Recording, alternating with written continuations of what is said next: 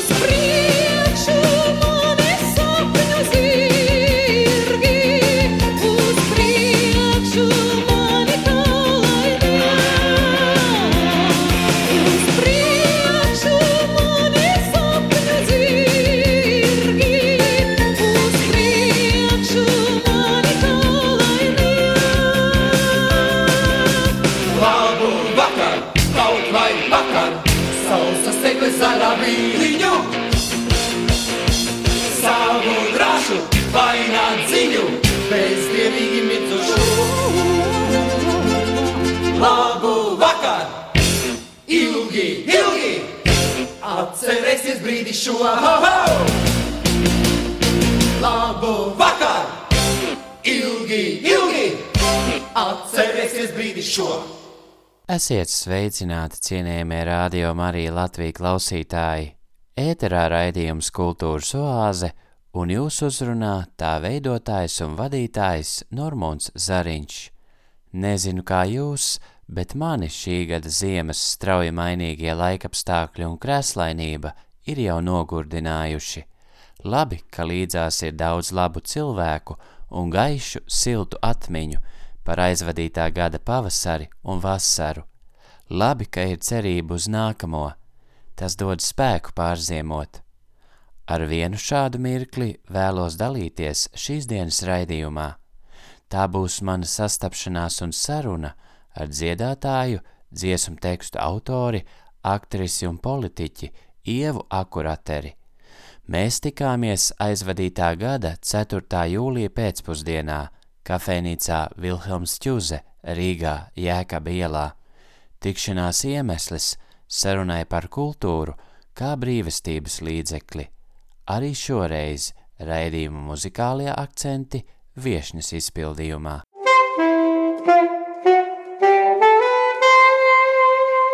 Kultūras oāze ar Normūdu Zariņu.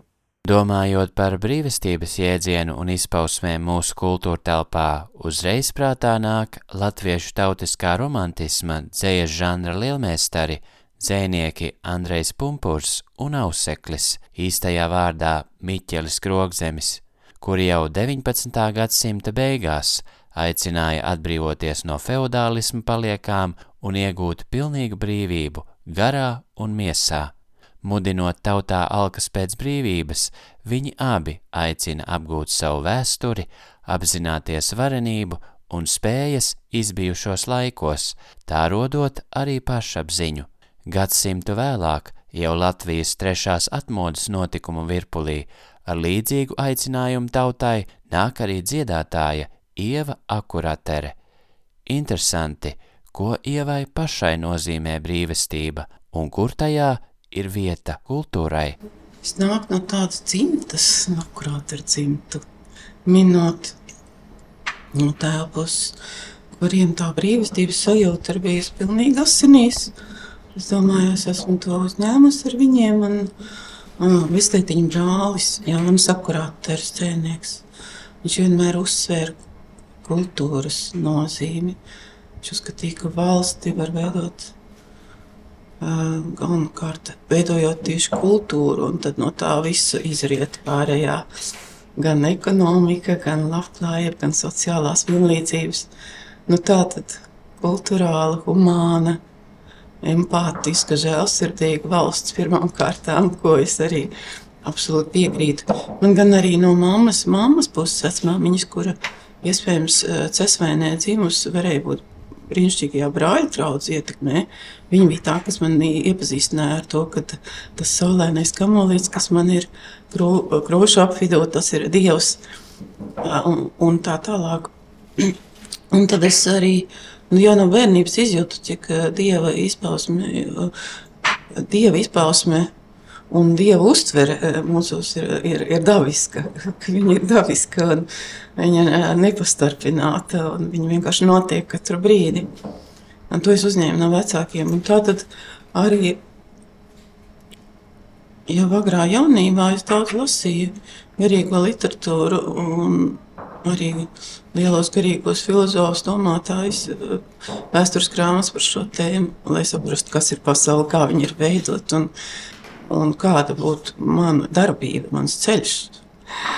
Un mēs tieši šodien ar draugu braucot šurp, domājam par to, ka piemēram, jums ir līdzīga draudzene, arī viņa ir mūziķa Ilza Grunte. 12 stīgu pratēji, brīnišķīgi. Mēs spēlēsim piekdienu, piekdienu viesturtārsā kopā arī ar mani dēlu Matīs. Viņš kā perkusijas spēlē. Var sakot, mēs tieši domājam šodien, ka principā ir, ir, ir teiksim, tāda tendence tā, uh, daudz rakstīt pašlaik par tādu globālismu sistēmas pēkšņu uzbrukumu un ļoti šausmināties par to un, un teiksim, kļūt kaut kādiem it, it kā ārkārtīgi aizdomīgi, tādiem nodrošinātiem, noskatoties uz tām šausmām, kas tur varētu būt.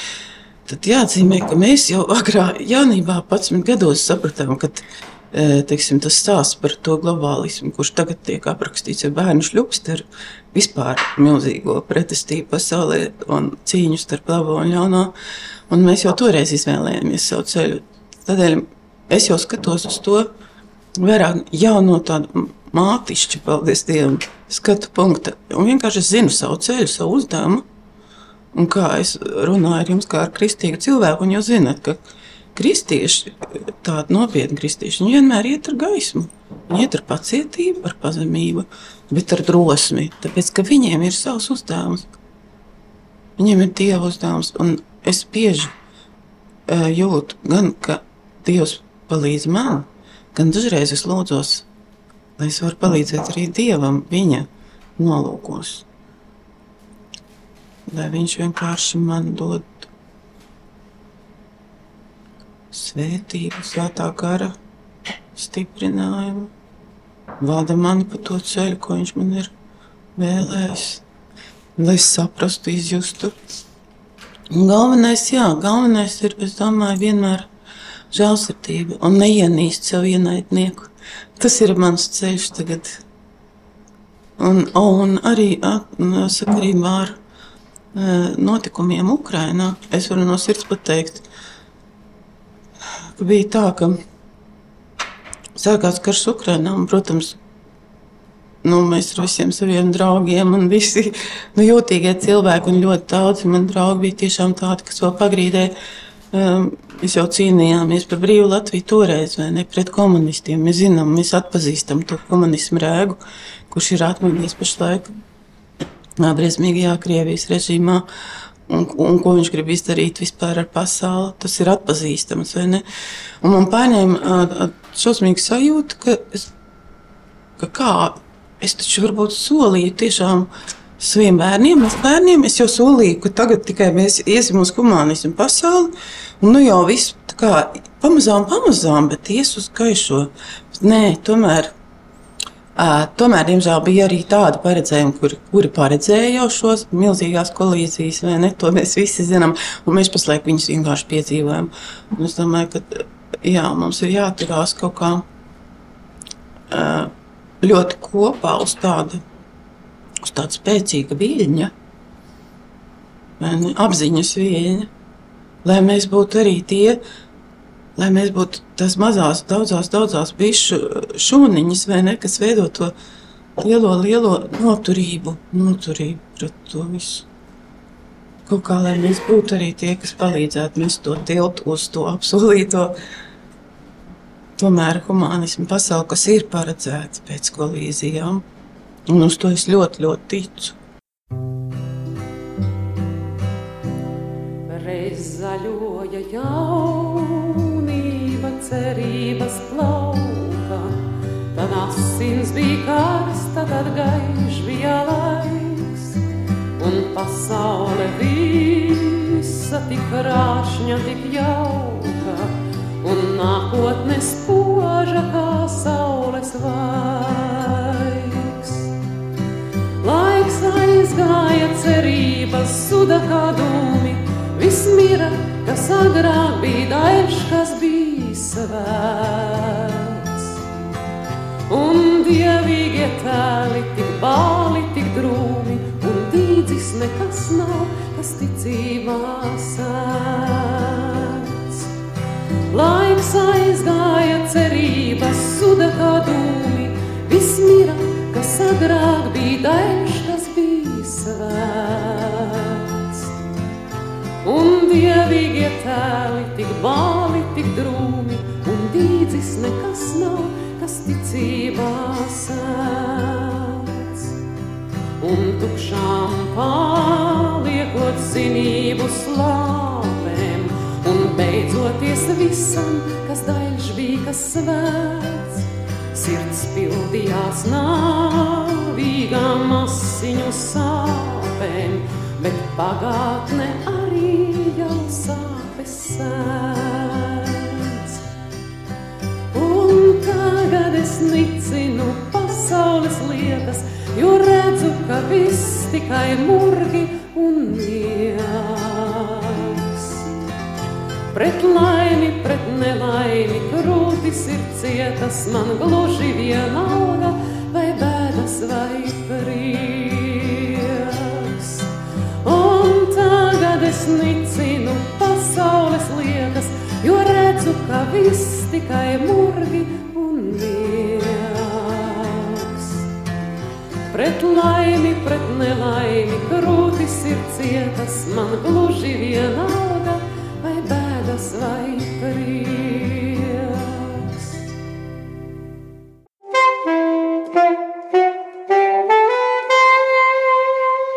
Ēterā kultūras oāze.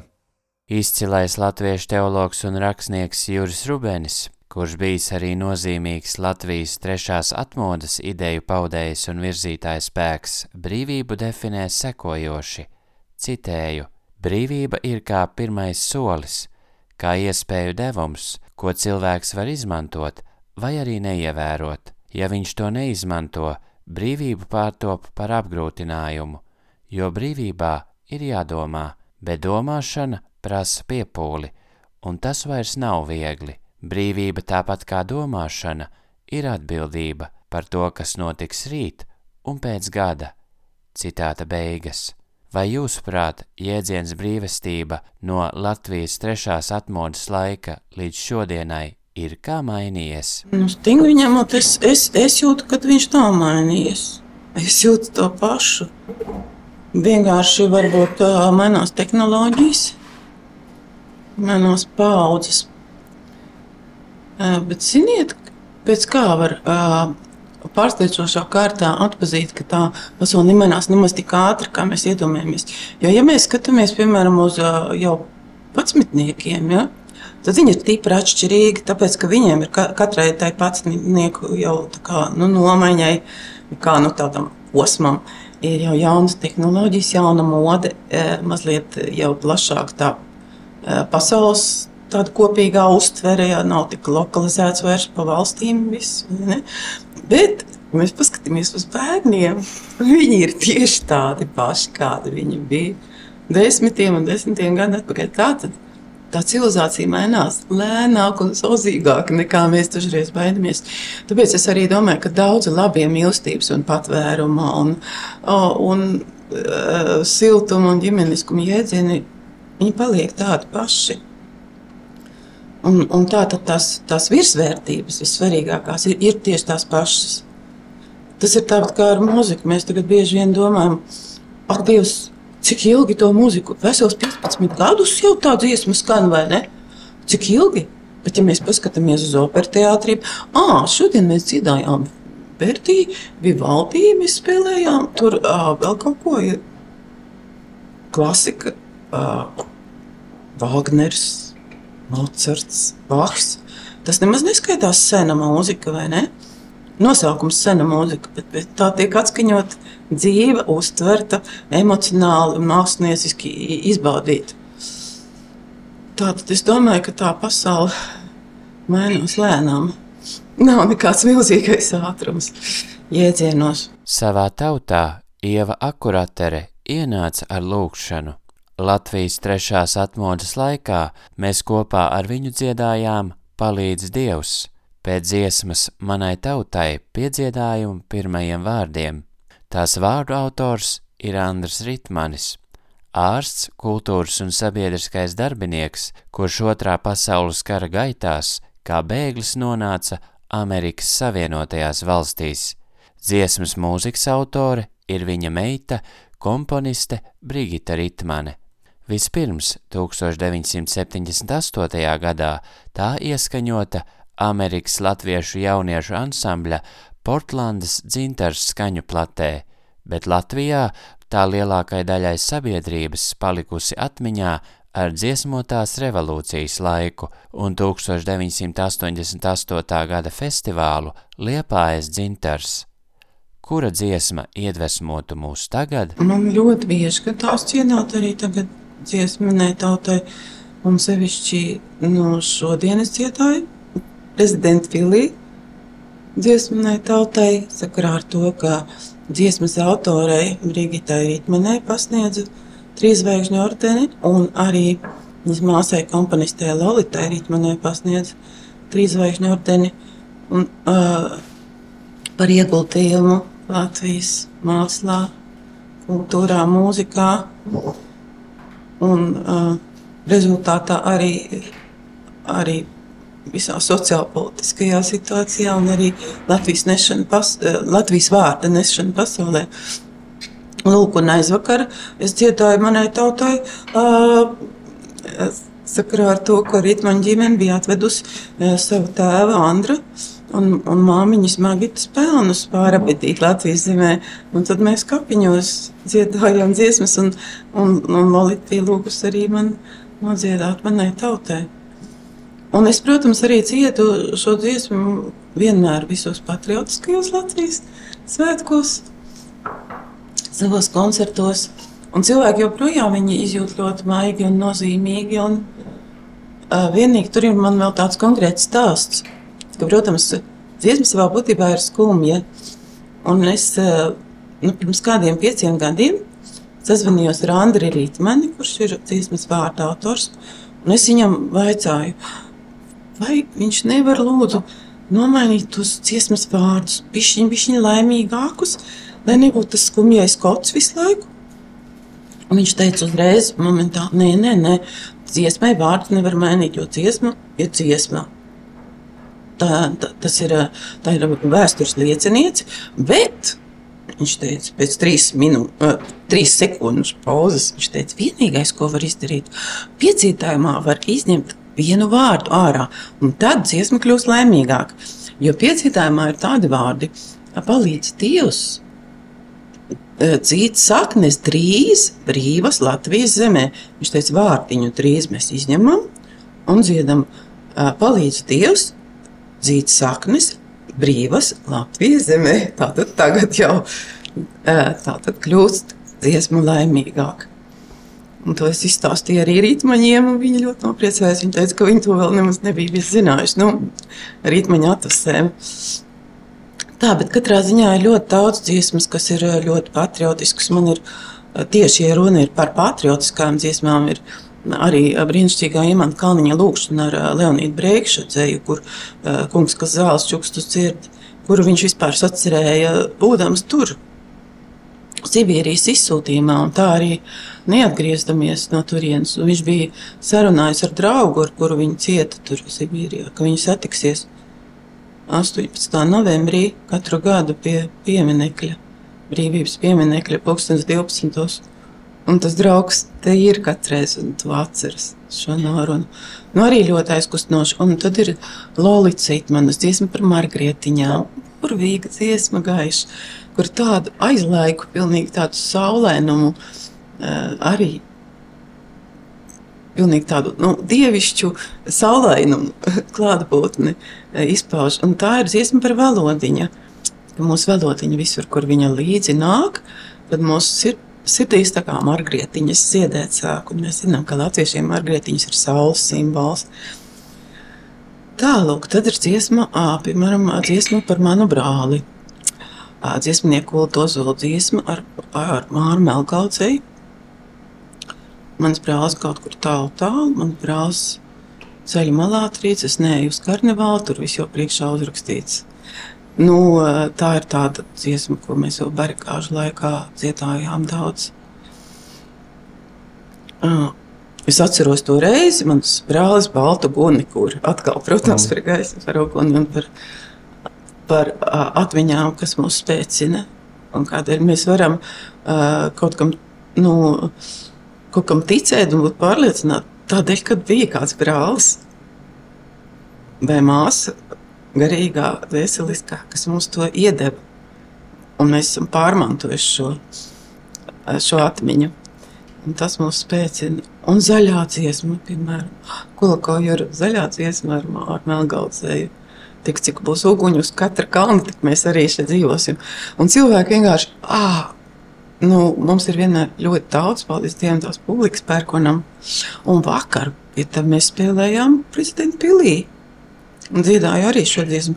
Pasākums bija veltīts mm, uh, uh, Ukrāņu atbalstītājiem. Tie, tiem, kas atbalsta šeit, latviešu uzņēmējiem, dažādiem lieliem, maziem, vidējiem, visādiem labsirdīgiem cilvēkiem, kas vienkārši ir palīdzējuši Ukrāņiem, gan bēgļiem šeit, gan ir braukuši uz Ukrajinu un palīdzējuši. Un arī tiem karavīriem, kas ir Ukrajinā no mūsu puses. Un tur bija arī tāda interesanta sajūta, tāpēc, kad prezidenta nu, tuvāk stāvošie konsultanti bija izdomājuši, ka vajag tādā reizē pērkonu uzaicināt. Un pērkons tas jau ir mazliet tā kā tāds uh, arī nedaudz tāda pozitīva trakuma. nu, nu, kādi mēs esam, tādi mēs esam. Uh, un bija tā, ka pēc tam uh, cilvēks stāstīja puszāli, jau gaidīja vai mēs drīkstam tagad, un vai mēs drīkstam celties kājās un dzīvot līdzi, un beigās tiešām viss sacēlās kājās, un, un, uh, un visi sita plaukstus un dziedāja līdzi, un tās, uh, sakot, dāmas no, no prezidenta pils, viņš teica, pirmo reizi kaut kas tāds prezidenta pilī notiek, bet viņš bija laimīgs, viņš tieši to bija arī gribējuši. Tāpēc, kad uh, ir kaut kāds arī psiholoģisks moments, par ko mēs runājam, piemēram, ar uh, gaisa spēku pārstāvjiem, kuri arī tur bija. Viņi teica, mēs sajūtām, ka no, tā, no tās atbrīvotības viss tas patiesības. Ka šeit, šajās nopietnējās lietās, ne, kad mēs zinām, ka Ukraiņa cīnās par mums tiešām, ne, arī par mums, arī par mūsu brīvību. Tur ir jābūt patiesam, un tur varbūt ir jāatļaujās arī mazliet tādu huligānismu, gaumīgu, lai, nu, lai parādītu, ka, ka tādas lietas, nu, tā drosme, to cilvēku drosme sevišķi, kas tur dodas un kas tur cīnās. Un, um, tādas lietas dara tā, kā lai saka, tā braši. Ja mēs atceramies, uh, Edvards Pāvils kādreiz spēlēja kaut kādā vecā filmā kaut kādu latviešu strēļķi Janku. Un kāds viņš bija tāds pašpuika, ja tāds brašulis. Nu, apmēram tā ir, kad iet cīņā, ja? Tur tā nevar pārāk. Nu, jā, jāizturās tā uzmanīgi ar šiem izteicieniem, bet katrā ziņā kaut kādai bravūrai jābūt.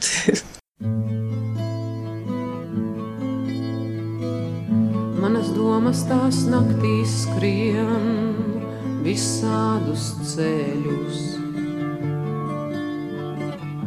Uz priekšu sāniem nereti riņķos. Manas saknes es jūtu, tās neaukanākas, pat auglīgā zemē tās liecās un nīkst. Mana tauta tā nīkst visās pasaules malās. Bez zemes savas tā cīnās un dalās. Mana tauta tā nīkst visās pasaules malās, pat savā zemē tā neaugā nākās. Palīdzi Dievs, palīdzi Dievs visai latviešu tautai, saveto mājās pie Daugavas krastiem, saveto mājās. Palīdzi Dievs, palīdzi Dievs mūsu latviešu tautai, dzīt saknes drīz brīvas Latvijas zemē, dzīt saknes drīz brīvas Latvijas zemē. Katra diena tā sāp visai latviešu tautai. Dalītai šķirtai tik skumji skan dziesmā. Katra diena tā sāp visai latviešu tautai, dalītai šķirtai dziest lēnām mums liesmā. Palīdzi Dievs, palīdzi Dievs visai latviešu tautai, saveto mājās pie Daugavas krastiem, saveto mājās. Palīdzi Dievs, palīdzi Dievs mūsu latviešu tautai, dzīt saknes drīz brīvas Latvijas zemē, dzīt saknes drīz brīvas Latvijas zemē. 2022. gada martā Valmieras drāmas teātrī pirmizrādi piedzīvoja dramaturģis Ances Mužnieces un režisori Jāņas Notiņa veidotā izrāde Mēs Roks Seks un PSRS Padomis Socialistisko Republiku Savienība satīra par dzīvi komunismā, stāsts par jauniem cilvēkiem, kuri 1985. gadā piedzīvoja leģendāro grupu spērkons koncertu Ogres estrādē un tam sekojošo vilciena izdemolēšanu. Trīs draugi, 17-gadīgie Andrejs Vizma un Uģis, klausās mūziku, cenšas atrast savu vietu dzīvē, risina attiecības viens ar otru, ar savām ģimenēm un komunistisko režīmu. Viņu alkas pēc neatkarības no vecāku un iepriekšējo pauģu uzskatiem un kontroles sakrīt ar lielajām, kolektīvajām, gaisā jūtamajām alkām pēc pārmaiņām un brīvības. Izrādē skan arī pērkona mūzika, katrai dziesmai kļūstot par nozīmīgu daļu no stāsta. izrāda jauniešiem, kura ļauj pieredzēt nepieredzēto. Pilnās skatītāju zālēs to turpina izrādīt arī izbraukumos pa Latviju. Vai šodien mēs patiesi esam brīvi no PSRS? Nu, katrā ziņā viss tas, kas ir attēlots tiešām tādā izrādē, kas uh, mūs arī ļoti uh, aizkustināja. Mēs tur vēl apkampāmies ar visiem aktieriem un bijām pateicīgi viņiem. Un, uh, tas, protams, ir pagājis. Nu, tāds vaiprāts, kā bija tiešām komunistu laikos, visi tie ārprātīgi aizlie, aizliegumi, aizspriedumi un, un stīvums un, un, un, un, un kontrole ārprātīgā, kad viens otru kontrolē praktiski uz katra soļa un nosūdz. Un, tāds trakums ir beidzies, bet, protams, ka mēs esam pārāk tuvu tai lielajai Krievijai, kur pašlaik ir tik ļoti agresīva, lai uh, justos drošībā. Jo, principā, diemžēl šeit uh, ir ārkārtīgi daudz tiešām uh, nu, reāli Krievijas aģentu, kurš šeit darbojas jau sen un ilgi, un ar ļoti izgudri. Uh, un ir, diemžēl, ļoti daudz arī cilvēku, kurus viņi ir burtiski pamazām, pamazām nu, padarījuši apmātus gandrīz. Es, es pati, diemžēl, zinu vairākus savus pazīstamus cilvēkus, kurus es gandrīz vairs neatpazīstu. Viņi agrāk bija latviešu patrioti, Latvijas patrioti tiešām. Viņi pēkšņi kaut kur sludina pilnīgi pretvalstiskas nu, idejas, burtiski pretvalstiskas, un ir gandrīz iesuģestēti, un viņi, diemžēl, paši to neman, un tas ir ārkārtīgi, nu tā, tas ir tā mazliet biedējoši, cik tālu tas var iet, un kā lai cilvēks pasargā no tās ietekmējumības un dezinformācijas. No otras puses, es saprotu, ka mēs katrs, protams, esam ietekmējami lielākā vai mazākā mērā katru dienu? Mums visu laiku ir kaut kā nu, jāsarunājas ar savu sirdsapziņu pa brīdim, lai mēs atrastu kaut kā pareizo ceļu un, un jāstieks noteikti ar saviem uzticamajiem draugiem, tuviniekiem, jo bieži vien draugs ir tas, kurš tevi vienmēr pieņems un atpazīs, jo viņš zina, kāds tu esi, kuram ir, eh, kurš tev piedod visas tavas vājības, eh, sīkās nebūšanas un grēks, bet kurš tevī saskata nu, to, to vērtību, kāpēc jūs draugi. Un, tad satiekoties ar īstiem draugiem, ir nu, milzīgs spēcinājums atkal saprast, kas tu īsti esi un kas tev ir jādara. Bet, bet ir tā, nu, arī tādas sabiedrības daļas, kuras ir pilnīgi, man liekas, ka viņas ir tā pilnīgi tādas, es nezinu, vai noburtas vai apmātas, un, un tas ir tāda viltīga, milzīga viltīga un tā rūzīga nolūka darīts.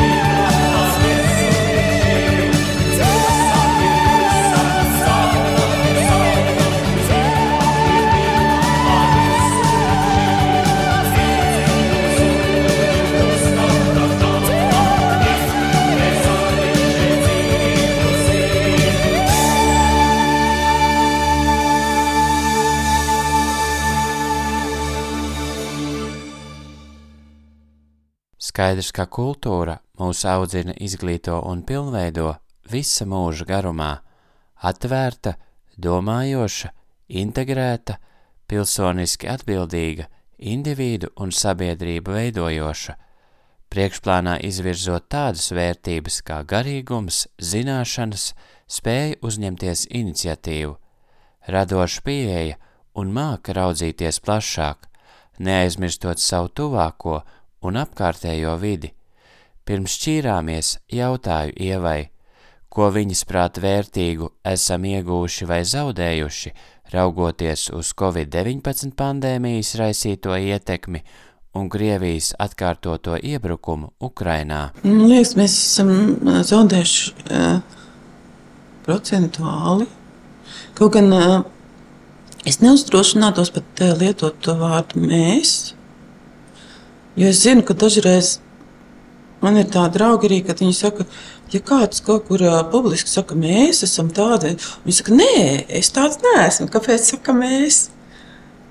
Tā tad labāk varētu teikt, ka daļa vai procentuāli Mē, procentuāli mēs esam zaudējuši tādā abstraktā ziņā, varbūt to romantismu un milzīgo paļāvību, ka mēs tagad ar katru soli ejam pretī brīvai Latvijai, un kaut vai pacietīgi, un kaut vai katrs ieliekot milzīgu vai ne spēku un atbildību un piedaloties tajā, bet tomēr ejam pretī.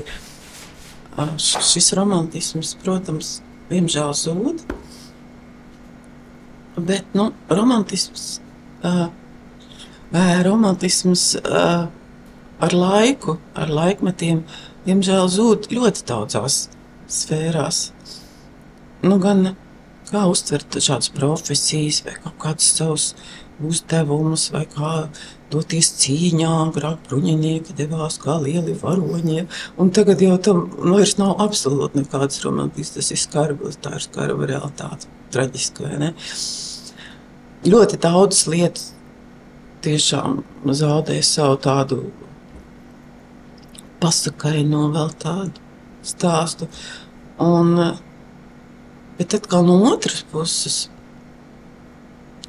no otras puses ir tā, ka man ir tā laime satikties ar tādiem jauniem cilvēkiem, vai vismaz cilvēkiem, kas ir savā vēl tādā raķetes skrējienā ja, dzīves laikā. Ja, kuros ir tāda kristāla tīra, kaut kāda estētiska pasaules izjūta. Un, un viņi ir tādi patīkami individuālisti, ar drosmi uzskatīt tā, kā viņi uzskata.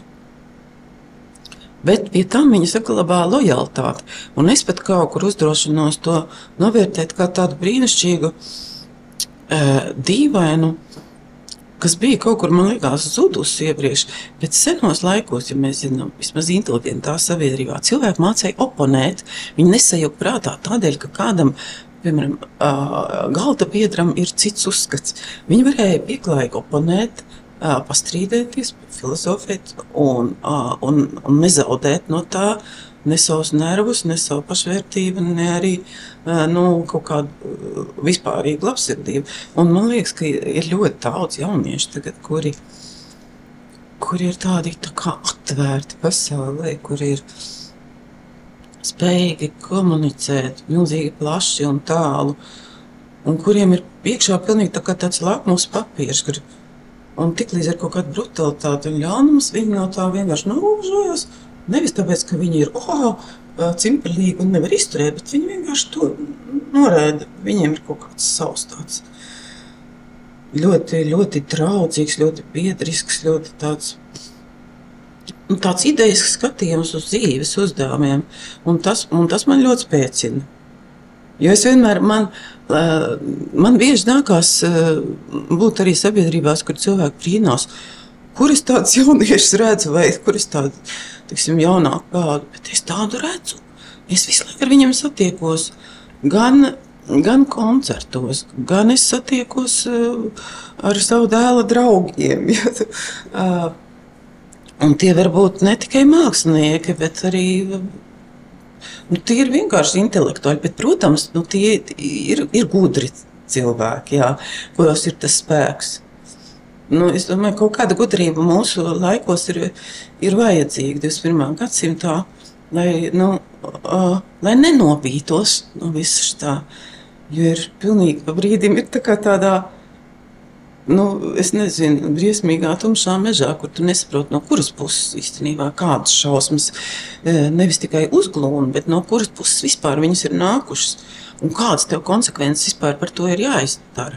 Jo tu pat nevari būt tik izgudrs, lai pateiktu, ah, šī sērga nāk no turienes, un tā tad tie grib to vai ne, kaut kādu schēmu savā galvā. Jo tas ir pārmērīgi daudz, viss, un viss tas ir kopā. Mm. Bet tad droši vien ir jābūt kaut kādai vēl tādai mazliet, kā lai saka, arī intuīcijai, arī nojautai, vai arī tādam stabilam, nesatricināmam iekšējam uh, sauklim, ja, kurš, protams, nāk no dieva, pie kura tu vienkārši turies un tu zini. No vienas puses, ka tā dzīve um, ir trausla. Ja? Saku, sārtā, šaurā mazā svītriņa, vai cik mēs esam visi trausli, kā mums vienam otru ir jāsargā. Bet no otras puses, ik pa brīdim ienāk kaut kādas arī tādas, bet viņas arī nāk tik, tik neapzināti un man. Neapzināti, bet tā kā intuitīvi, ins, tā kā inspirācija. Ir tāda laimīga brīža, kad nav bail vispār, vai arī vismaz nav bail baidīties, kas jau arī ir brīnišķīgi. Un ka ir kaut kas, kas ir pāri tam visam. Arī priekš mums, arī priekš mums visiem ir kaut kas tāds liels, skaists un kopīgs, kas ir pāri visam un kas dod tādu ceļa spēku vai vienkārši eksistences spēku vai miera spēku. Cauri visam šīm. Jā, jo tas katrā ziņā ir pilnīgi pārliecība, ka ļaunums nav galvenais. Nu, viņš absolūts. Viņš nav galvenais ne, ne emocionāli, ne psihofiziski, ne materiāli, ne, ne arī eksistenciāli. Viņš nav galvenais. Galvenais ir, galvenais ir tas, ko mēs jūtam kopā. Ko mēs nevaram pat vārdos pateikt, bet ko mēs jūtam, tad, kad mēs esam uz tā mīlestības viļņa.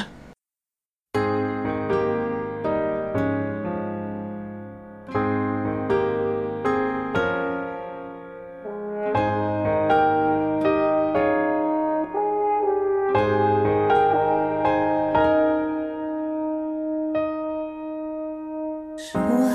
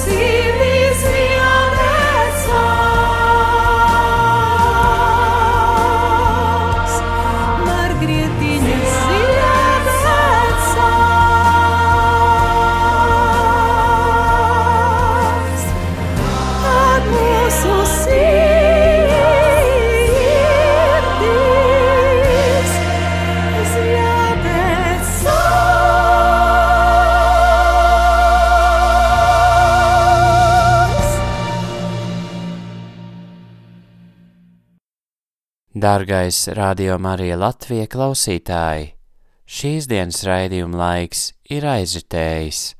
Paldies par kopā būšanu! Uz sadzirdēšanos 21. martā, 2017. kad tiksimies ar žurnālistu un rakstnieku Rimantu Ziedoni. Sarunas tēma - kultūras ietekme uz cilvēka personību.